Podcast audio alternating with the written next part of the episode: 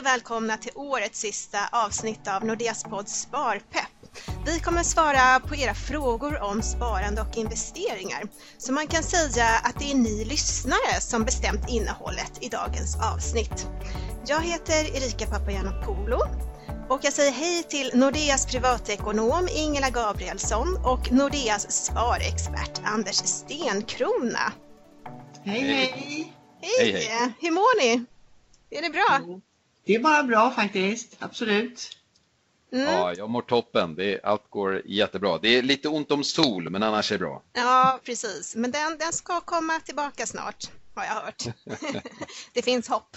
Jag tänkte säga det också att vi sitter ju på olika håll idag när vi spelar in det här avsnittet, så om ljudet är lite annorlunda så vet ni varför.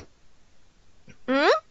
Jag tycker att vi kör igång med frågorna som vi har fått in och eh, jag har delat in dem under rubriker så det kanske blir lite enklare att hänga med. Vi kör igång med pension. Det är ju ett eh, intressant ämne och alltid aktuellt. Eh, första frågan då. Jag vet att jag borde pensionsspara men tycker att det känns lite svårt. Var ska jag börja? Jag tänker om du har ett jobb så har du säkert redan börjat eh, utan att tänka på det. För att när, om man, när man jobbar så ska, ska i alla fall arbetsgivaren sätta av pengar till din allmänna pension. Så där har du säkert redan börjat. Och förhoppningsvis har du även fått tjänstepension. Och eh, i början av ens arbetskarriär så kanske man inte fäster så stor uppmärksamhet på det. Men kolla på minpension.se så där får du en väldigt fin sammanställning av hur det ser ut hittills. Eh, sen kan man ju alltid tänka sig att det är kul att komplettera det där och, och kanske utöka sin befintliga pension. Och då kan det vara motiverande att tänka att är du runt 30-årsåldern, om du investerar 1000 kronor i pensionssparande, alltså i fondsparande per månad i resten, ett fram till pension, då har du en miljon extra när du går i pension med en rimlig avkastningsantagande. Så att vad jag skulle göra om jag var dig, att börja prata med en rådgivare så att han kan visa, eller han eller hon kan visa dig hur din pension kan utvecklas med bara lite till. Eh, så kan det bli riktigt motiverande. Det är tre saker som man ska göra, mer är det ju inte. Och det är liksom det som Anders har varit inne på här redan. Kolla på jobbet om du har en tjänstepension. Och kolla på minpension.se för att se hur mycket det redan kan finnas inbetalt till din pension i dagsläget. Och sen som punkt nummer tre, starta ett eget månadssparande till pensionen. Och varför inte testa en klok sparrobot som kan guida dig till precis det sparandet som passar dig. Eller prata med en rådgivare. Och de finns ju på, dina, på din bank, båda de här. Så att så enkelt kommer man faktiskt igång. Mm, och vi kan väl säga att en rådgivning kan man ju ha online också i dessa tider. Ja, precis. Såklart. Vi kör vidare med nästa fråga. Jag är 65 år och fick ett brev där det stod att jag skulle få min pension utbetald från 65 års ålder. Men jag har inte fått några pengar. Nej, eh, det kan ju finnas flera skäl. Eh, Det första kan ju vara att jag vet att det tar tid innan den första utbetalningen kommer. Nu vet inte jag vem som har skickat ut brevet, vem som är avsändare, men jag tycker att du ska kontakta den och fråga varför du inte har fått din pension och i så fall när den kommer.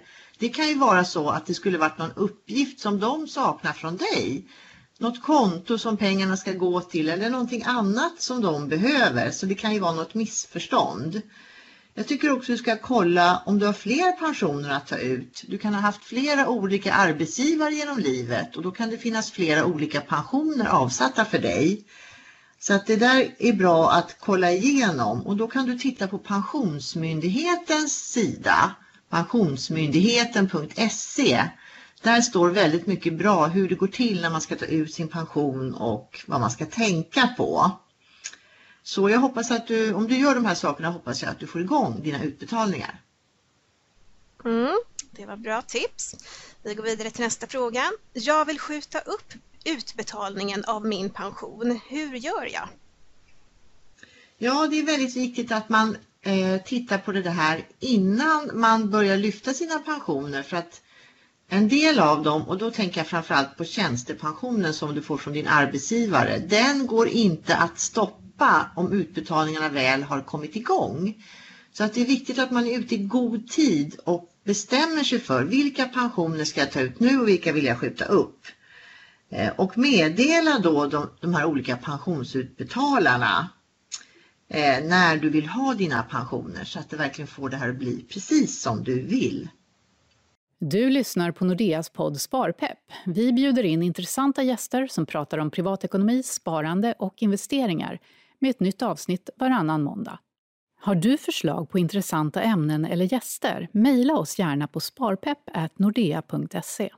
Och nu tillbaka till dagens avsnitt. Då går vi över till eh, lite frågor om barnsparande och eh, ge bort ett sparande.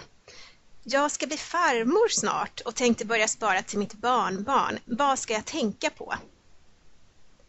Härligt, grattis, det är ju superkul. Alltså, jag tänker när man ska spara till någon annan, till exempel ett barnbarn. Eh, det finns ju massa olika sätt man kan göra, men det brukar vara lämpligast att göra det i en kapitalförsäkring. För att då kan du nämligen bestämma att de här pengarna är öronmärkta för ditt barnbarn. Och eh, ja, så när, man kan bestämma då när hon kan få ut de här pengarna, i hur mycket pengar åt gången hon kan få ut. Man kan bestämma rätt mycket med en kapitalförsäkring och det är ungefär lika fördelaktigt skattemässigt som att spara i ett investeringssparkonto. Men när man sparar för någon annan så brukar man säga att, för, eh, att eh, kapitalförsäkring lämpar sig bättre. Så att prata med en rådgivare, prata just om det här och säga att jag har hört att kapitalförsäkring är vettigt och se, se hur det utvecklar sig. En till fråga på lite samma tema här. Jag tänkte ge bort ett sparande i julklapp. Hur gör jag? Det tycker jag är en väldigt bra fråga. Det är en väldigt, väldigt bra julklapp. Ja. Det, är väldigt, det är en väldigt smart julklapp. Ja. Långsiktig, det är kul. Exakt. Eh, men jag tycker man måste börja med att bestämma om sparandet ska vara i barnets namn eller i ditt namn. Om du sparar i barnets namn då, blir det till, då är det barnet som äger sparandet kan man säga och det betyder att barnet, ungdomen då, eh, får tillgång till det här sparandet på 18-årsdagen och också kan, kan då använda de här pengarna precis efter eget huvud. Och det kan ju vara både bra och dåligt. Eh, men du har ju alltså inget inflytande då över hur det används. Men, eh, och till ett sådant sparande passar ett investeringssparkonto utmärkt. Men om du vill behålla kontrollen över de här pengarna eller att barnet ska vara lite äldre än 18 år när de blir tillgängliga, då passar en kapitalförsäkring bäst. För där kan du bestämma att det till exempel är 25-åringen som ska få de här pengarna. Eh, och det kan finnas många fördelar med det eftersom det är en mognadsfråga såklart och eh, då kan det finnas väldigt stora behov av de här pengarna när det här barnet har blivit lite äldre. Och sen så tycker jag prata med din bank digitalt eh, om hur du startar upp sparandet så det är ju inga problem utan bara du vet hur du vill ha det så funkar det väldigt smidigt. Mm.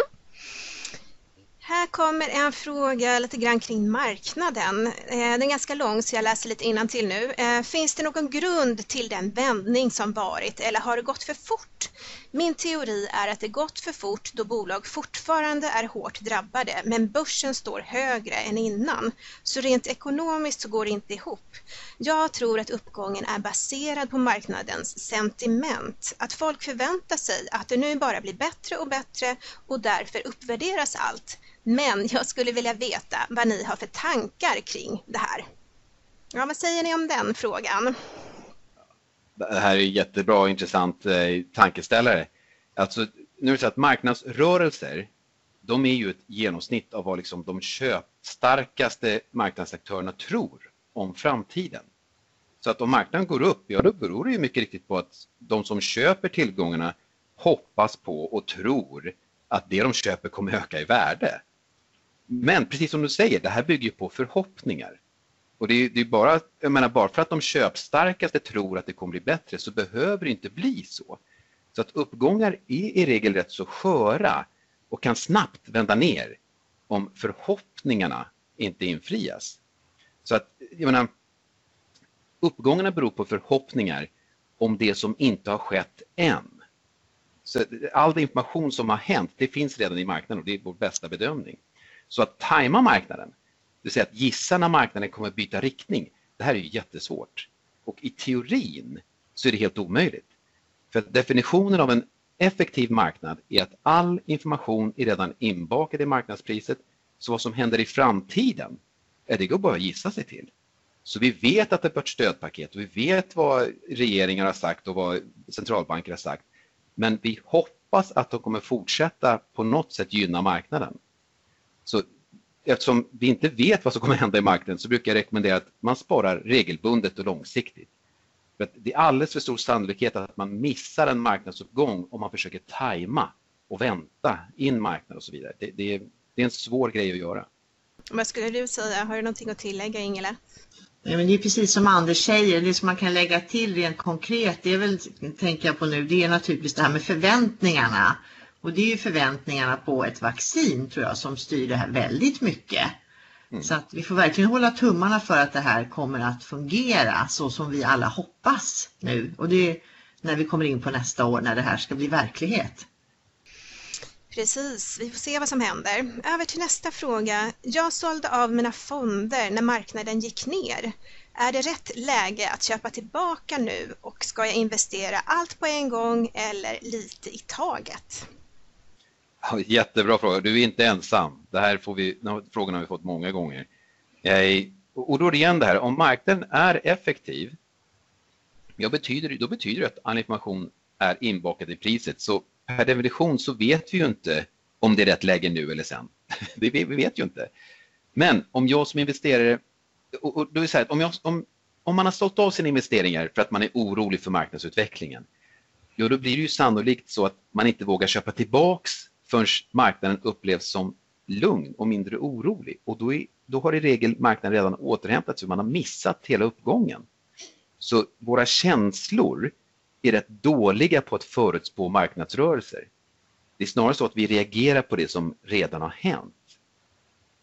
Så att, ja, rätt läge att köpa tillbaks. Jag tycker alltid det är rätt läge för långsiktig investering. För historiskt sett så har marknaden gått upp i nio fall av tio på fem års sikt. Så har det sett ut. Och historiskt sett så har den genomsnittliga avkastningen per år varit 10% ungefär. Och det kan ju klart det kan gå ner, men sparar man långsiktigt så brukar man få en okej okay avkastning över tid. Så att, eh, och samma sak där, om man ska investera allt på en gång eller lite i taget, det har också tittat rätt noga på. Och det visar sig att historiskt sett så har det varit bättre i 70% av fallen om man tänker långsiktigt, ungefär fem år drygt. Eh, har det varit i 70% av fallen bättre att investera allt på en gång än att successivt eh, investera in sig. Eh, och vi vet ju aldrig, det kan ju plötsligt gå ner igen, men tänker du långsiktigt så tycker jag alltid att det är rätt läge att gå in. Då har vi eh, en fråga om månadssparande. Jag vill ändra mitt månadssparande. Hur gör jag? Ja, just det. det. det. kan ju absolut vara så. Man kanske vill ändra belopp eller kanske ändra det man sparar i. Och det här går ju faktiskt att göra i, både i appen och på nordea.se. Så att det, det, är relativt enkelt. Och, och, som allting, första gången man gör någonting så kan det upplevas svårt. Man kanske inte vet vilken knapp man ska trycka på. Då kan det vara rätt okej okay att ringa till kundservice eller en rådgivare och bara be dem förklara. Men när man väl har knäckt koden och den är inte så svår att knäcka, då, då kan man det där rätt lätt med några knapptryckningar ändra det där. Och när du säger Nordea.se så menar du internetbanken, eller hur? Jag, jag menar internetbanken mm. på det kanske sagt. Och jag menar, fördelen med att prata med en rådgivare är att du kanske kan få hjälp med att se på helhetsbilden av ditt sparande. För du kanske känner att oh, jag vill byta det där. Men en rådgivare kan hjälpa dig att se att ja, byter du den så ändras riskbilden etc. Så det kan vara bra att få hjälp att se sin helhetsbild genom att prata med någon.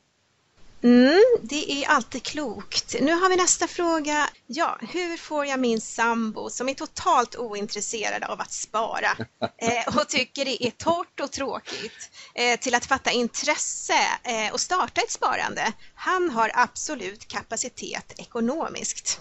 Ja, vad säger ni om det? Sparande är inte tråkigt och torrt. det, där, det här det är en underbar fråga. Jag hoppar in här för jag gillar det här med investeringspsykologi och på lite med det. Eh, och det är så här att man behöver faktiskt inte vara intresserad för att, ska, för att man ska dra nytta av ränta på ränta-effekten. Det här är det enklaste som finns. Men det som behövs är att man kan tänka långsiktigt. Så att det kan jag förstå att det kan vara ett hinder. Så det svåra är liksom det är att komma igång och sen kan man välja hur engagerad man vill vara eller hur oengagerad man vill vara. Men det är att komma igång som är det tuffa. Och då kan det ju hjälpa till exempel om man har en gemensam långsiktig dröm. som man vill spara till, som är tillräckligt motiverande för att säga men det där är bra, vi, vi sätter igång det. Sen kan det rulla av sig själv. Men om man kanske säger men vill, jag vill, tycker vi ska köpa en stuga i skogen eller fjällen eller vi ska köpa något roligt nere på Sydeuropa som är varmt och skönt. Vad som helst som är tillräckligt motiverande för att komma igång. Sen när sparandet väl är igång och börjar växa, då är det naturligt att man intresserar sig för då börjar det byggas upp en summa som är rätt substantiell, rätt ordentlig. Så då kommer man bli intresserad automatiskt. Mm, så lite konkreta sparmål helt enkelt, är bra att sätta upp. Ja. Mm. Ja, nästa fråga. Vad är skillnaden på bankens kombinationsfonder, Stratega till exempel, och när jag sätter ihop ett innehav själv, räntefond plus aktiefond, utifrån önskad riskprofil? Måste jag följa med mindre när jag väljer en Strategafond? Jag tänker på rebalansering och så vidare. Ja, jag kan påpeka det också. Jo, men precis. Alltså Stratega håller en viss risknivå genom att kontinuerligt omfördela mellan aktier och räntor. Så man, jag menar, det här kan man göra själv såklart, men det kräver ju lite ansträngning. Så att Stratega den ser till om du har en risknivå som är förutbestämd, om det är 75 eller vad det nu kan vara. Så när aktierna ökar i värde, då ändras ju riskprofilen. För att aktier har ju i regel mer risk än, än räntor. Så då måste man balansera om så att, ränt, så att risknivån är densamma kontinuerligt.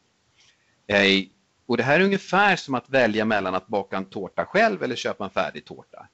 Men om jag har allt som krävs för att baka en tårta, det vill säga ingredienser och så vidare, och tycker det är kul, ja då kan jag göra det själv och det kanske till och med blir billigare än att köpa en färdig tårta. Men om jag behöver investera i ingredienser, vispar och en ugn och så vidare, ja men då är det enklare att bara köpa en färdig tårta. Det är så enkelt. Så fonder finns av en anledning och det är för att det är så enkelt. Eh, och du får ett bra paket som ombalanserar åt dig. Det är hur man är funtad liksom, vad man tycker är, vad man har tid och eh, intresse för. Härlig liknelse med tårtan ja, tycker jag. Ja, verkligen fantastisk liknelse. Jättebra. Ja, det är bra. Ja. Tårta är gott. Tårta är gott, absolut. Jag har flera kapitalförsäkringar. Hur ska jag veta vilken som är till vilket barn, min pension etc. Ja, men vad härligt att eh, ha möjlighet att skaffa sig flera kapitalförsäkringar för olika behov. Det är perfekt. Eh, men det enklaste sättet är, det ska naturligtvis stå i de allmänna villkoren och till exempel du kan se vem du har satt in som förmånstagare så blir det ju uppenbart vem som ska ha pengarna. Men jag tycker du kan be din rådgivare att ta fram alla de här uppgifterna så att du kan få en sammanställning och kolla att det här ser ut precis som du hade tänkt dig. Det tycker jag. Mm. Och jag har ett litet tips där också. I nya internetbanken, om man loggar in där så kan man byta namn på kapitalförsäkringen eller på kontot. Då gör man så att man går in på spara och placera, man klickar på översikt och klickar på ikonen med pennan och då kan man byta till det namn som passar om man tycker det är enklare för att se i själva översikten. Då kan man till exempel skriva kapitalförsäkring och namnet på barnet eller vad man nu vill. Man kan ju välja precis vad man vill så att eh, ja, det kan bli lite smidigare om man nu har flera konton eller kapitalförsäkringar. Ja, det där är ju hur bra som helst. Mm. Ja, det hade jag inte hunnit kolla upp men det var väl jättebra tips. Ja, men det är ju smidigt. Ja. Kunna namnge just så att man, då ser man ju direkt vilken det är. Ja men precis. Det ska jag göra själv ja. på mina försäkringar. Gå Jättebra. In och kolla och jag tror ja. att det gäller på, på alla konton faktiskt också. Eh, så det är ett smidigt tips för lite ordning och reda som kan förenkla. Prenumerera gärna på Sparpepp i din podcastapp så missar du inga nya avsnitt. Och nu tillbaka till dagens avsnitt. Då går vi in på nästa fråga. Då ska vi se här. Ja, är det något speciellt kring mina fonder och aktier som jag behöver se över nu inför årsskiftet? Ja, det kan det absolut vara. det beror lite grann på hur man har dem. Om man har fonder och aktier i ett investeringssparkonto då behöver man ju inte göra någonting eftersom där sker en schablonbeskattning automatiskt. Och det du köper och säljer eller tar ut ur, ur din ISK, den behöver du aldrig deklarera för separat. Så det är väldigt praktiskt och bra. Men om du har aktier och fonder utanför en ISK som du själv sköter så att säga, då kan det vara så att om du har sålt under året med vinst så kan du titta om det är några, någonting som har gått med förlust som du kan sälja nu och på så vis skulle du kunna kvitta den förlusten mot vinsten och i slutändan få ner din vinstskatt. Och det här kan man titta på Skatteverket, de har alla möjliga räknesnurror till hjälp när det gäller att man kan göra en liten provdeklaration och räkna på det här för att se om det är någonting man behöver göra nu. Och det måste man ju då göra före årsskiftet ska det här vara gjort och klart. Annars så hamnar det på nästa års eh, affärer och då blir det deklarationen 2022 som det ska hanteras. Okej, mm. det är bra att känna till. Eh, ja. Då går vi över till lite frågor kring investeringssparkonto, ISK. Eh, ja, hur fungerar ett investeringssparkonto? Är det någon som undrar? Ja, och det passar ju perfekt med det som Ingela sa precis just nu. Att um, allt det där med att försöka justera innehav inför årsskiften, det slipper man när man har sina investeringar, investeringar i ett investeringssparkonto, alltså ett ISK. Och ISK det är bara en kontoform, det är, det är ett konto. Eh, och man kan säga att investera i ett investeringssparkonto, det är som en tvåstegsraket. Först för du över pengar in i det här investeringssparkontot och sen så investerar du i en fond. I, I, vissa fall så sker de här två stegen automatiskt så du tänker inte ens på det. Men om du vill fylla på mer pengar på en fond i ett investeringssparkonto, då måste du först med pengarna in i ISK och sen in i fonden. Och, och det, det, är viktigt att komma ihåg det. Jag, jag har flera vänner som tror, och det här är jätteviktigt att poängtera, pengarna är inte investerade bara för att de ligger på ett ISK. Det är bara ett konto. Så det, det är ett konto som har tagits fram just för att förenkla investeringar. Men, men då ska man alltså komma ihåg att de pengarna, allting du har på ISK i ett ISK beskattas, även kontanter. Så se till att alla pengarna i ditt ISK är investerade så du inte betalar skatt på kontanter. Mm. Då har du nästan svarat på nästa fråga, för det är precis eh, den. Vad är det för pengar som ligger på det konto som heter ISK Likvid? Ja, just det. Jo, men det var ju faktiskt det. Och det, det är så att ibland vet man inte om det, för att det kan vara att du har haft aktier och så får du en utdelning. Mm. Då får du ju plötsligt kontanter på ditt ISK och du har tänkt, men jag har investerat alla mina pengar. Jo, men du har fått mer pengar från dina aktieinnehav. Ja, och har du kontanter där, då skulle du antingen ta ut dem och lägga på ett sparkonto eller se till att de är investerade. Jag brukar säga så att man kan tänka på ISK som en tom varukorg egentligen, där man måste mm. fylla den med någonting för att det ska bli bra, för att det ska bli ett riktigt sparande. Mm, det är smart. Absolut, väldigt smart symbolik där. Ja. Eh, och nu har vi en till fråga som är på samma ämne här, men vi tar den ändå. Jag köpte en fond inom mitt investeringssparkonto ISK häromdagen. Varför är inte pengarna placerade? Ja, precis. Och häromdagen kan ju vara, betyda en, två, tre eller fem dagar. Normalt sett så kan det ta säg två bankdagar tills pengarna har placerats. Alltså man brukar prata om T plus två, två dagar, eh, innan allt har kommit på plats. Men om ingenting har hänt inom ett par dagar så ring kundservice för det ska komma in eh, åtminstone på två bankdagar. Mm, då vet vi det. Då går vi över till lite frågor eh, om hållbart sparande. Sista tidens marknadsutveckling har ju gått i ESG-favör och intresse för gröna eller hållbara investeringsval har varit stort. Ser ut som att det ger högre avkastning, mindre fallhöjd och räddar världen, alltså win-win. Varför investerar inte alla hållbart? Ja, eller hur? Det kan man ju tycka. Eh, och det kan ju bero på ett par saker. Och historiskt sett, i alla fall fram tills nyligen, det, det var kanske svårt att få tag på vettiga fonder som man tror på. Så tillgänglighet är en faktor. Eh, en annan kan vara att man tycker att det kanske är dyrare. Det kanske har ett högre förvaltningskostnad för en, en ESG-fond. Men på Nordea i alla fall, vi lägger ner massor med resurser på att göra det enkelt, tillgängligt och prisvärt att investera hållbart. Det är en jätteviktig del för vår eh, långsiktiga strategi och våra värderingar här på Nordea. Så vi, vi jobbar hårt för att det ska vara just enkelt och tillgängligt och eh, prisvärt. Mm. Och man kan ju läsa mer på nordea.se och nordea.com också om vårt hållbarhetsarbete.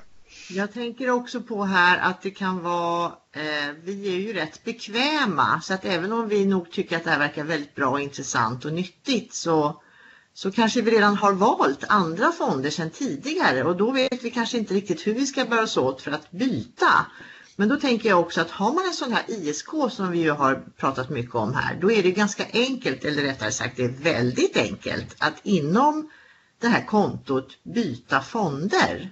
Så att det är väl en bra väg att gå, att man kan försöka börja byta eller starta upp ett nytt fondsparande i en hållbar fond för att komma igång med det. Man kan ju alltid prata med våra rådgivare om det här också. Mm, förstås. Om man behöver lite hjälp. Mm. Vi går vidare på temat hållbarhet. Eh, om jag vill bygga en egen hållbar portfölj, går det att göra med det utbud ni har på Nordea?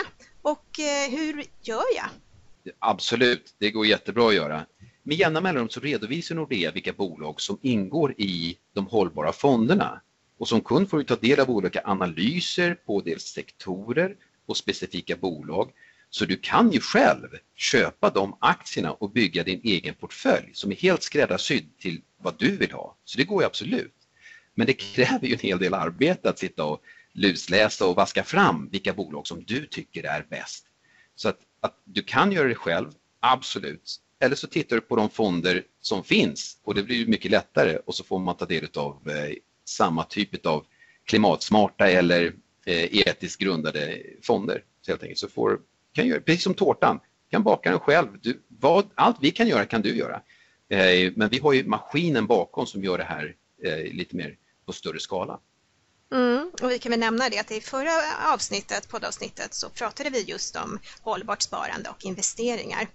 Eh, så det kan man ju lyssna på om man vill veta lite mer. Kul att prata med er och jättemycket bra frågor som vi har fått in. Men jag tror att det är dags att börja runda av.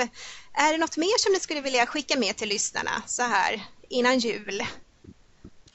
Ja, man kan väl säga så här att vi har ju haft ett väldigt exceptionellt år eh, och det finns ju all anledning att se det som ett tillfälle att se över sitt sparande och se vad, vad kan jag förbättra och vad kan jag förändra. Det tycker jag är ett bra tips att skicka med. Jag tänkte också på det här exceptionella året vi har haft. Eh, det finns ju en stor sannolikhet att man varit orolig under det här året och kanske velat gå in och ut ur marknaden. Och eh, om man inte har gjort någonting, man bara legat investerad i index, då har det gått upp drygt 10% i år hittills. Chansen är om man försökt göra någonting med att tajma marknaden så har fått mycket mindre avkastning än så. Så det är en liten läxa man kan ta till sig och säga att ibland är det bättre att ha is i magen och låta marknaden gå sin gång långsiktigt. Det tycker jag låter som en jättebra avslutning. Om man bakar lite här i jul så kan man väl tänka på sitt sparande och eh, om man ska baka tårtan själv eller om man ska köpa den. så det kan vi ta med oss. Eh, eh, då säger jag jättemycket tack för att ni har lyssnat och Sparpepp är tillbaka i januari igen. Och vi får väl säga ha en riktigt god jul och gott nytt år och ta hand om er. Tack Anders och Ingela för att ni var med i Sparpepp idag. Tack så mycket och god jul! Ja, tack så jättemycket. God jul och tack för i år. Du har lyssnat på Nordeas podd Sparpepp. Podden för dig som vill lära dig mer om privatekonomi, sparande och investeringar. Vill du få nyheter och inspiration om sparande och investeringar? Välkommen att besöka nordea.se.